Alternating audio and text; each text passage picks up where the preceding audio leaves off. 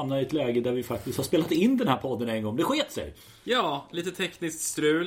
Eh, Det, lö- det löser vi genom att eh, för första gången på Ja, en månad en månad eller något faktiskt ses Ja. och prata. Ja, Får vi se hur det går. Det känns ju nästan Ovant. Ja, faktiskt. Ja. Eh, vi ska avhandla en hel del saker. Vi börjar väl med Båstad som eh, har några dagar bakom oss. Ett smälta intryck. Eh, var ska vi börja där? Ja, jag, jag tänker nästan överlåta till dig som, som var där. Jag som var på plats. Berätta om, om veckan. Vad, eh, du har ju några Båstad-turneringar bakom dig på plats, så att säga. Ja, men det, det här känns som att det, det räddas upp av att det är två bra spelare som går till final. Eh, du har Micke Ymer som vinner en match. Du har även Christian, eller Kasper Rud som tar sig till kvartsfinal. Eh, det hjälper till. Det är inte smockfullt i Båstad. Det är lite... känns som att det, det, det inte... Det har varit fler där. Men det är helt okej med folk framförallt i slutet av veckan. Lite tunnare i början. Eh, och eh, den bästa spelaren vann. Det var, kändes liksom aldrig som att... Ja, semifinal mot Verdasco var han illa ute. Men han är den bästa spelaren som ställer upp av de 28 och han vinner. Mm. Och jag tycker att han... Ja, nej, men han visar eh, egentligen att han faktiskt kan spela och att han är... Vad ska man säga? För bra för en sån här turnering är ju fel att säga. Men han- han är bäst här och han är en nivå bättre än alla andra. Eh, Det är väl så man kan sammanfatta det. Mm. I övrigt så... Ja, vi, vi, vi kommer nog längs vägen så kommer jag komma på fler saker som, som inträffade. Eh, Men Fabio Fognini är bäst. Gasquet, eh, inte så... Han gick ju, sen drog han sig ur veckan efter. Eh, Men han... Vad ska säga, han övertygar inte men han har så pass mycket rutin så att jag tycker att han tar sig till final på rutin egentligen. Eh, Och att de andra liksom inte riktigt lyfter sig Ja, vi, har ju, vi har ju några stycken som är i ganska, ganska tveksam form som vi har sett här nu under den här veckan. I, Mm. i Hamburg till exempel. Pablo Carreño Busta. Ja, det var en bedrövlig match. Ja, han, klar- han klarar av eh, Thiago Monteiro och sen åker på dyngspö egentligen mot Fernando Velasco. Ja, det var ingen snack om saken. Jag kommenterade den matchen och det var... eh, Det var eh, klasskillnad. Ja. Han är trög och trubbig nu. Ja, men eh, det överraskande där var ju att det satt en gammal världsetta på sidan om. Officiellt, nej. Men han fanns med där, Jean Carlos Ferrero. Som själv också har varit i Båstad för övrigt under sin aktiva karriär. Eh, Får se om det blir någonting. Jag vet inte om karriären i Båstad kör på hans akademi kanske. Eh, Och sen hade vi även första sida det var. Ja, Diego Schwartzman som har varit otroligt mycket upp och ner sista tiden möter ju eh, Simone Bolelli som kvalar in. Och vinner i, i raka set. Bolelli spelskicklig. Men... Eh, En listig rackare. Ja, ojämn, svår, hal typ. men men, men eh, brukar sällan få ihop det över en hel match mot, mot den här typen av motstånd. Så att, eh, oväntat resultat där också. Ja men faktiskt. Eh, han gjorde det bra. eh, Bolelli måste jag säga. Det, det, att han liksom höll fokus och så. Var i final sen i dubbeln också tillsammans med Fogmini. Eh, vi tar en sån spelare som eh, Fernando Verdasco som går till semifinal. Jag nämnde det tidigare däremot. Eh, han gillar ju verkligen Båstad. Det är verkligen, han kommer från år till år. Och lite får man ju känslan ibland också nu här att ja, men nu är det sista. Hoppas han får gå riktigt långt för att det känns som att varje år han har varit med så har han ju kunnat vara en, en contender för att vinna. Men han har aldrig lyckats. Nej, precis. Och det är lite grann så det känns i, i år också. Jag tycker egentligen inte... Han är ju inte sämre nu än han har varit de senare åren. Utan, utan han har ju hållit i stort sett samma nivå här nu de senaste ja, men 6-7 åren. Han, han pendlar mellan topp 20 och topp f- eller 20 och 50 på världsrankingen typ. Och, och gör en del bra insatser. Och den där forehanden som han eh, jag fortfarande tycker håller världsklass. Eh, den, den såg bra ut den här veckan. Mm. Men så springer han ju på Fognini där i semi, en semi som är eh, svängig. Mm. Och kan gå lite hur som helst egentligen. Mm. Men där vet vi också av erfarenhet så brukar ju inte vara Velasco vara den som siste man och liksom dra åt rosetten. Nej, eh, han, vi har ju varit inne på hans horribla tresetsfacit. Det är väl kanske det sämsta bland eh, sämsta i världshistorien. Han är det enorma nedvikningstendenser på honom. Mm. Han, han blir- äckligt nervig när det drar ihop sig. Mm, man kan se att han drar ner, på- drar ner på servhastigheten också. Jag satt och kommenterade med, med Robin Söderling Och då sa han, titta nu på Verdasco, han drar ner tempot när det börjar dra ihop sig. Det kunde vara i, i ett vanligt servegame också. Att Mm. I vissa lägen så då går han inte för serven, då safear han mer. Mm. Vilket är rätt intressant med en kille som har en så pass bra serve. Men man vet att helt plötsligt kan han börja sprida servarna också. Och Mm. hamna lite här och där.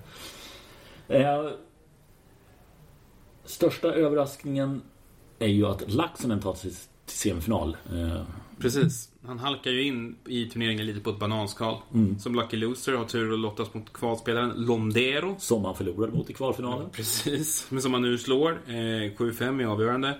Eh, har sen i, i sin tur vid, lite vidare flax. Möter Berrettini och sen Bolelli som ju slår Schwarzman. Och vips är vi framme i semi. Ja, Och mot Gasquet har han ingenting att hämta. nej. Eh, han var ju i kvarten i fjol, förlorade mot Ferrer i en väldigt tight match.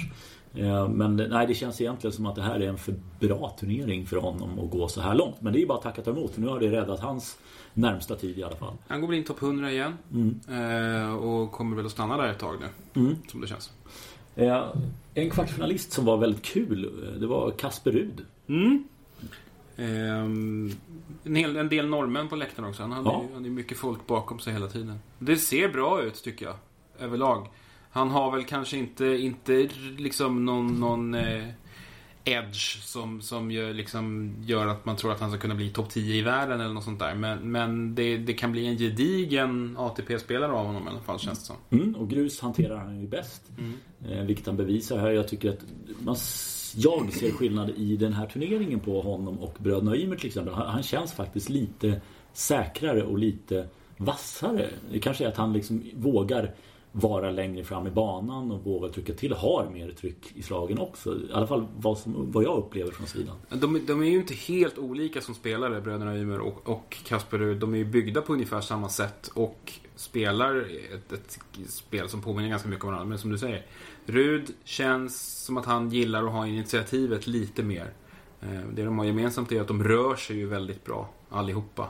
Mm. Eh, och det tycker jag är Ruds adelsmärke. Han, han, han eh, kommer rätt till bollen väldigt ofta, väldigt mobil ute på banan.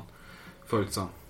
Just det, och då har vi avhandlat Kasper Rud. Väldigt roligt med en norrman som kommer, kommer in här. Har ju tränat i många år, eller flera år i Spanien som sin bas. Eh, våra svenska deltagare var två. Eh, det pratades lite innan om tre, men det sista wildcardet gick ju faktiskt till Jean Monar. Eh, spansk ju- lovande spelare. Precis, som fick stryk av Rud i sin öppningsmatch. En väldigt bra match. Mm. Eh, och det ska jag säga, det är rätt intressant. Monar tränar på Nadals akademi. Men tittar man nu på hur det ser ut på- på den spanska fronten så är det, det är Monar. Sen är det i stort sett ingenting. Det är helt soprent just nu på Mm. den yngre generationen som är på väg upp.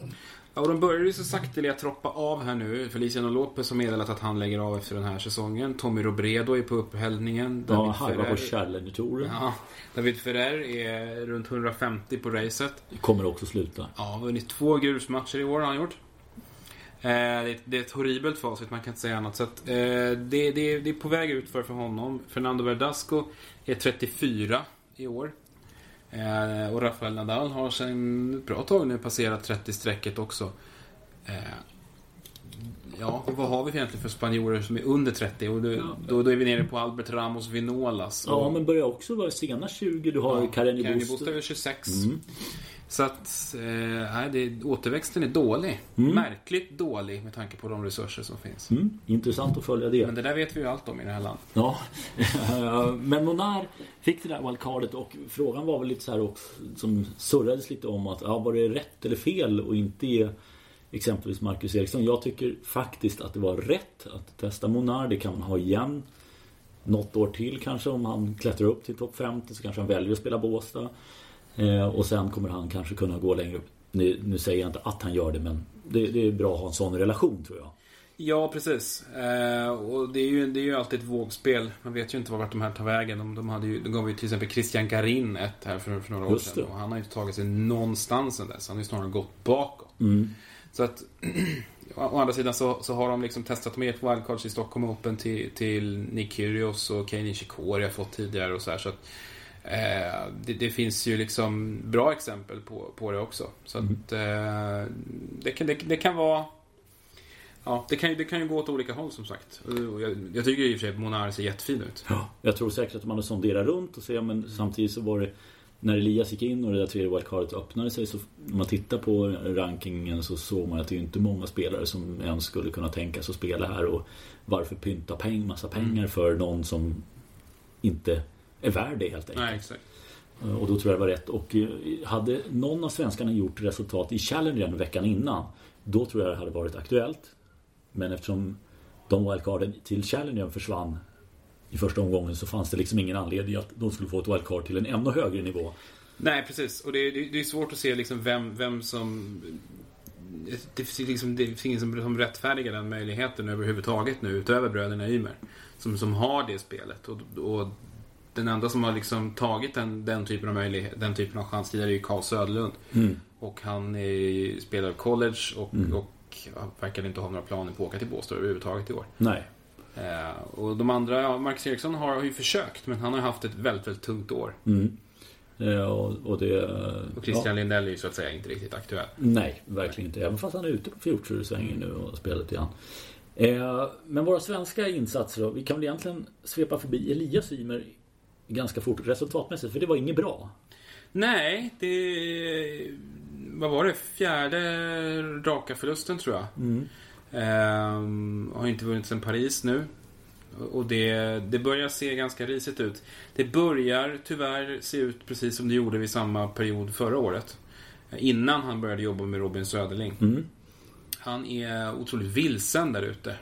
Han har ingen aning om vad han ska hitta på. Uh, det känns han... inte som att han har någon grundtrygghet i vad han vet att han kan göra.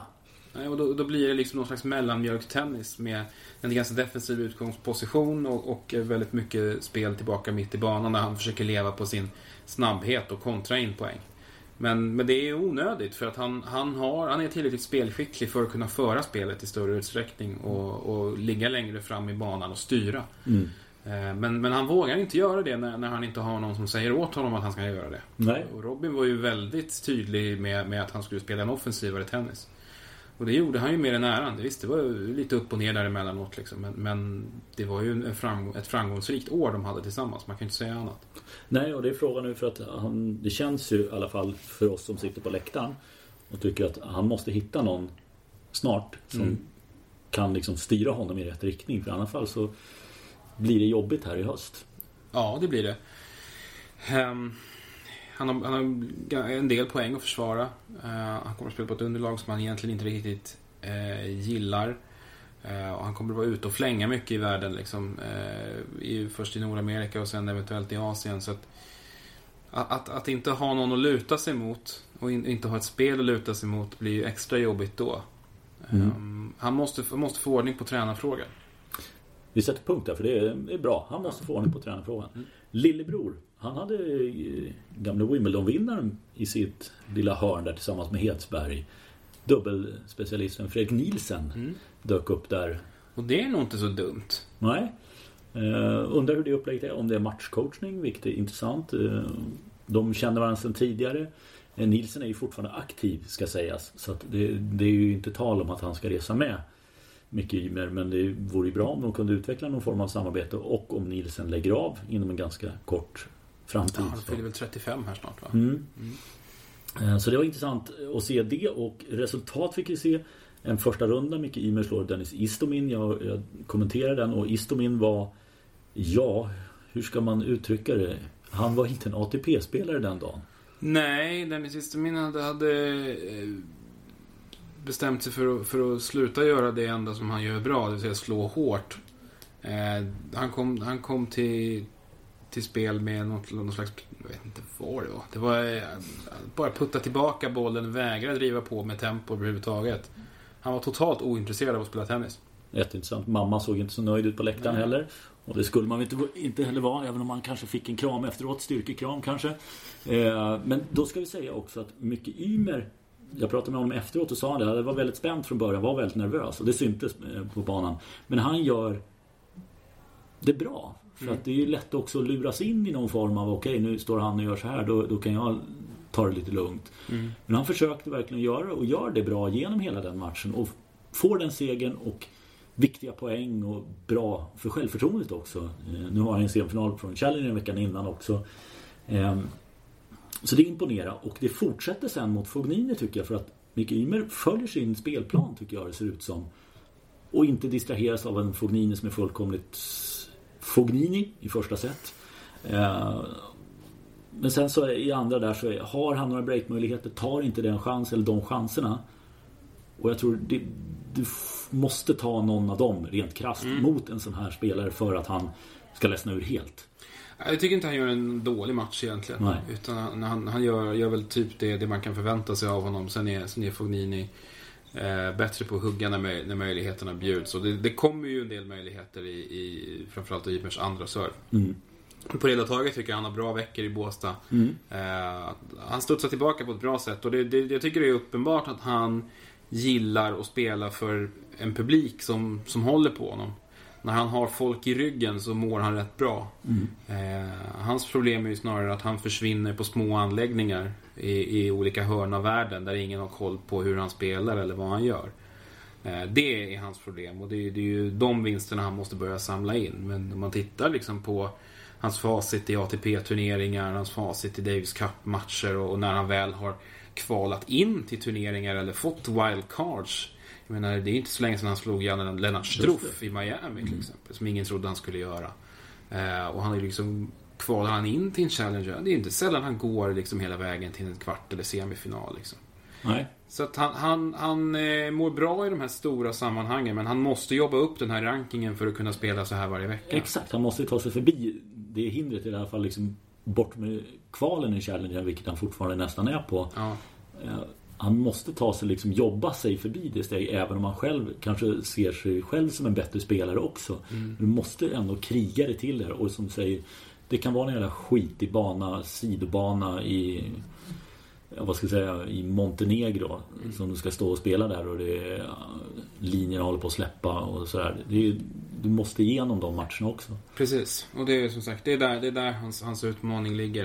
Uh, jag, jag, hoppas att han är beredd att göra det jobbet för att tar han sig bara förbi det så det känns inte som att det spelar någon roll egentligen om, om hans motståndare är rankad 500 i världen eller 50. Nej. Uh, han, hans möjligheter ser ungefär likadana ut. Mm. Eh, förlusten mot Fognini inget att säga om för Fognini är en mycket bättre spelare. Eh, mer komplett på alla sätt och vis och rutinerad. Eh, kan vi nästan ta och stänga där. Dubben vanns av Peralta och eh, Ceballos mot Fognini Bolelli. Och det svenska där var inte heller något kul. Och eh, nej, det roligaste var väl på stranden där. Vad det är för någonting får ni kanske reda på sen. Hörde du, var ska vi gå sen då tycker du? Eh, låt oss prata om eh, en eh, person som har bestämt sig för att ta farväl. Det är ju vår ryske vän. Michail Jusjny. Ja. Eh, tacka för sig. Ja. En spelare som vi kanske inte pratar sådär jättemycket om. Nej, men varit med länge. Ja, och, och, när man tittar på vad han har åstadkommit och hans samlade siffror så är det ganska imponerande läsning egentligen. Kvartsfinal i alla fyra slams och även semifinal. Två gånger i US Open faktiskt. Mm. Eh, tiotal singeltitlar, lika många i dubbel, världsåtta mm. och Davis Cup-seger. Ja, vann en avgörande match. Länge sedan nu. Mm. 2002. Ja, 16 år sedan alltså. Ja, och hållit i samma coach under hela karriären. Mm. Så att, eh, det, det är... Det, det, är en imponerande karriär. Han har ju naturligtvis alltid varit i skuggan av de allra bästa. Har ju kanske inte utmärkt sig särskilt mycket spelmässigt. Mer än att han har uppenbarligen då varit ganska bra på att tagga till emellanåt när, i, i stora sammanhang. Eh, det han framförallt kommer bli ihågkommen för är väl sitt, sitt episka hjärnsläpp. Eh, racket i huvudet. Mm. Eh, blodvite uppstod. Ja, klassiker. Japp, finns där eh, finns på Där klipp finns. Ja, precis. Mm. Klipp där finns det klipp finns. Eh, eh, nej men verkligen, det är ju veckans salut. Han slutar efter Sankt Petersburg. Så han yes. spelar US Open och Sankt Petersburg. Sen är det bra. Eh, och det tycker jag liksom... Eh, all heder Mikael Ursny. Han har varit med länge. Mm. Och gjort det bra. Ja, tack Mikael. Och från Mikael Jusjny så... Eh, Marian Vaida. Ja. Marian Vaida har eh, inte bara fört Novak Djokovic till ytterligare en Grand Slam. Han har också stått för eh, årets mest intressanta tennisintervju. Mm, eh, väldigt sällan han uttalar sig. Väldigt sällan tränare uttalar sig överhuvudtaget när det gäller sina adepter. Han håller extremt låg profil. eh, i, mediala sammanhang. Eh, men, men här verkar han ha gjort ett undantag, pratat med en slovakisk tidning och sagt eh, extremt mycket intressanta saker. Det som jag först och främst ty tycker sticker ut är eh, vi har ju pratat väldigt mycket om den så kallade gurun, Pepe Imas. Precis. Eh, som Novak Djokovic anlitade för ett par år sedan som någon slags eh, coach och andlig vägvisare. Eh, ett eh, samarbete som resulterat i ett totalt haveri. Boris Becker lämnade eh, Djokovic team på grund av gurun för att han inte tyckte han fick igenom sina idéer. Eh, Marian Vaidas eh, ett av hans första tydliga villkor efter att Djokovic ringt upp honom från sin semester i Karibien. Efter att ha torskat mot Benoit Per i eh, Miami var det väl. Så eh, var han tydlig med att eh, gurun ska väck. Och han försvann. Det gjorde han. Och eh, det var väl fler, han hade väl något mer? Eller hans, hans citaten var väl Ja, det, det, också. det bästa citatet som, som summerade hela guruns gärning var väl att, att tennis är ett spel man mot man där man ska tänka på var man placerar bollen, inte gå runt och fundera på Buddha. Han har en poäng. Ja, han har en poäng. Och, men det, det som vi pratar om också här, det är ju rätt intressant att han är tämligen frispråkig i den här Mm. artikeln också. Och att någonstans måste nästan Djokovic ha godkänt att han har gjort det här. Ja, det tror jag jag. Och det, jag är helt övertygad om att, om att Vaida är i en position nu. Han har så mycket förtroendekapital hos Djokovic. Alltså, jag tror att han kan göra och säga nästan vad han vill. För att Djokovic har fått ytterligare ett kvitto på hur betydelsefull Vaida är för hans, eh, hans karriär. Eh, han vet precis vad han har gjort för honom. Så att eh, Vaida är nog i en ganska bra, ett ganska bra förhandlingsläge med, med Novak Djokovic som det är nu. Ehm, Men jag tror inte, i hans fall tror jag inte jag det är pengar. För att det är som Nej. Djokovic har hela tiden sagt, han är liksom i stort sett familj för mig. Mm. Och att det här, det här är någonting, det är något annat. Så pengar tror jag, det har Vaida så han klarar sig nu med tanke på vad han har gjort med Djokovic tidigare. Ja, det, men det tror jag också. Nej, men det, och tidigare har det varit att han inte, som så många andra tränare, inte har orkat resa runt. Liksom. Jag vet inte hur, hur mycket de kommer att, att eh, träna tillsammans nu. Men, men för Djokovic del är det väl bra om Vaida hänger med så mycket som möjligt. Ja. Eh, kul där. Och då flikar vi in där den grejen som dök upp på, på Twitter häromkvällen att även Alexander Zverev har hittat någonting nytt. Kanske samarbete där med en viss... Ivan Lendl. Ja, ser man på. Ja, men jag, jag, jag gillar idén. Jag är eh, också med väldigt det. positiv till det. Eh, och, och det finns ju en, en tydlig parallell där till Lendls samarbete med Andy Murray. Lendl kom ju in med, med den tydliga målsättningen att lära Murray att vinna Grand Slams. Mm. Jag vet inte hur många finalförluster han hade då. Tre? Fyra? Kan, kan ha varit någonstans 3-4. Hade Eh. bara en Victoria vad som han hade tagit innan. Eh, och ehm, det var ju, Lendl var ju tydlig med att säga att ja, jag torskade mina första Grand Slam-finaler också flera stycken i rad. Det är ingen som kommer ihåg det idag. Nej. Och det är ju mål, målsättningen att det ska ingen göra med Andy Murray heller. Nej. Och de han har ju vunnit till exempel eh, dubbla OS-guld och eh, tre Grand Slam-titlar. Mm. Så att eh, det är ett ganska lyckat samarbete. Zverev har ju som vi alla vet sin eh, Grand Slam-frossa. Mm, verkligen. Så det finns ett ganska tydligt eh, problemområde. Eh, men eh, jag tror att all, allting handlar nog egentligen om om Zverev är, är villig att göra jobbet. Och underordna sig Lenders eh, metoder. Ja, för jag tror inte han tar någon skitländer. Nej, nej, nej. Då sticker han. Passar, passar inte så, så då packar han väskan och drar. Ja, då drar han ut på golfbanan istället. Ja. Eh, Men väldigt intressant. Så det, det ska vi liksom hålla i utkik här i, i periferin om vad som eh, sker där. Mm. Samtidigt som Båstad gick i två tävlingar till. Vi Mm. hade Newport, Steve Johnson går och vinner. Eh, I en, det, är en, det är en så märklig turnering där men det är ju Hall of Fame och det är sånt snack under veckan. Eh, vilka var det som blev invalda nu i år? Var det Sukova? Michael, Michael Stisch var det va? Nu är de djupt ner i... i... Ja, nu gräver de ner i, någonstans i lådan där. Eh, nu ska jag säga att Stisch var en väldigt bra spelare när det begav sig men det var väl inte den mest profilstarka. Är han Hall of Fame-material? Har man en Grand Slam så är man uppenbarligen en contender. Ja. Eh, men, eh, ja, ja, jag, jag, jag ska väl inte otvunget säga ja på den, eh, på den frågan. Eh, men turneringen är ju, håller ju en viss nivå. Tittar vi liksom var, vilka det var som tog sig fram till semi så Smycek, Marcel Granollers, herregud, Ja. och nästa överraskning Ramkumar Ramanathan. Och eh, ja, är Ramanathan till, till final är ju en superskräll. Första indiska finalisten sen som Dev Devarman. Exakt, hade väl två finalförluster Devarman. Eh, och- det är, nej, det, är ingen vidare klass. Steve Johnson ska sägas, för hans del så är det bra att han vinner. Han vann ju tidigare i Houston om jag inte missminner mig. Eh, på grus, nu tar han en grästitel. Han har inte haft det så här jättebra, men nu har han två titlar det här året. Ja, det är rätt hyggligt. Han är den enda av de högt sidade spelarna som gör jobbet. Adrian Manarinos torsk mot, mot Marcel Granollers. 4G. känns helt oförklarlig. Ja, det måste ju vara någonting som låg bakom. Ja, det måste någon... Det är, det en väldigt, väldigt oväntad konstig förlust. Ja, och Michel Svere förlorade mot Pospisil. Pospisil har ju en nivå som han plockar fram alldeles för sällan. Jag tycker han är duktig. Jag, jag är konstant eh, lite brydd över att han är så lågt rankad. Jag tycker han ska vara betydligt bättre. Eh, går vi över på den andra europeiska turneringen så var det ju Omag. Och eh, överraskningsmannen från Paris slår till igen. Visar att han inte är någon slags dagslända Marco Cecchinato utan faktiskt har blivit en riktigt bra grusspelare. Eh, nu är det väl kanske inte den tuffaste av lottningar som han tampas med här på vägen. Han slår i turordning ut Gigi Veseli, eh, Laszlo Gere, eh, Marco Trungeliti. Känd också från Paris. Känd från Paris för att han åkte bil med mormor väldigt, väldigt långt.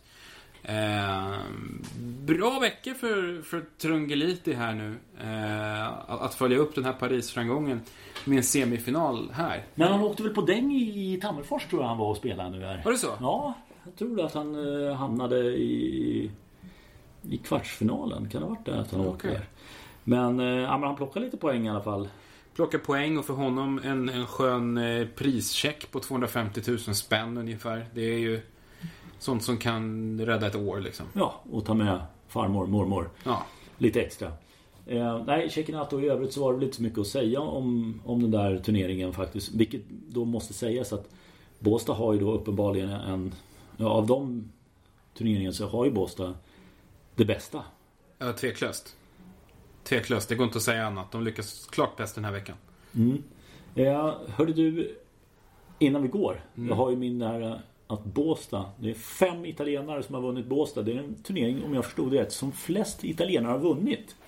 Och då gissar jag utanför Italien just. Då har Zugarelli 76, Corrado Barasutti 77, Paolo Canet som målar sina Dunlop-raktar i sidbytena 89, Andrea Gadensi 2001 och så Fognini 2018. Eh, veckans historielektion. Mm. Gadensis 01-titel där brukar väl betecknas lite som ett lågvattenmärke va? Den, det finns även när australiensaren Richard Fromberg gick och vann där 1990 tror jag det var. Då var inte Båstad glödhet. Nej, det ska man i ärlighetens namn säga att det var långt ifrån. Faktiskt. Eh, är vi klara där? Jag tror det va? Vi har betat av allt. Eh, Vi siktar på att låta kanske Montreal gå. Ja. Så är vi tillbaka där lite mellan eh, Masters-turneringarna. Just det. Hej på er. Hej så länge!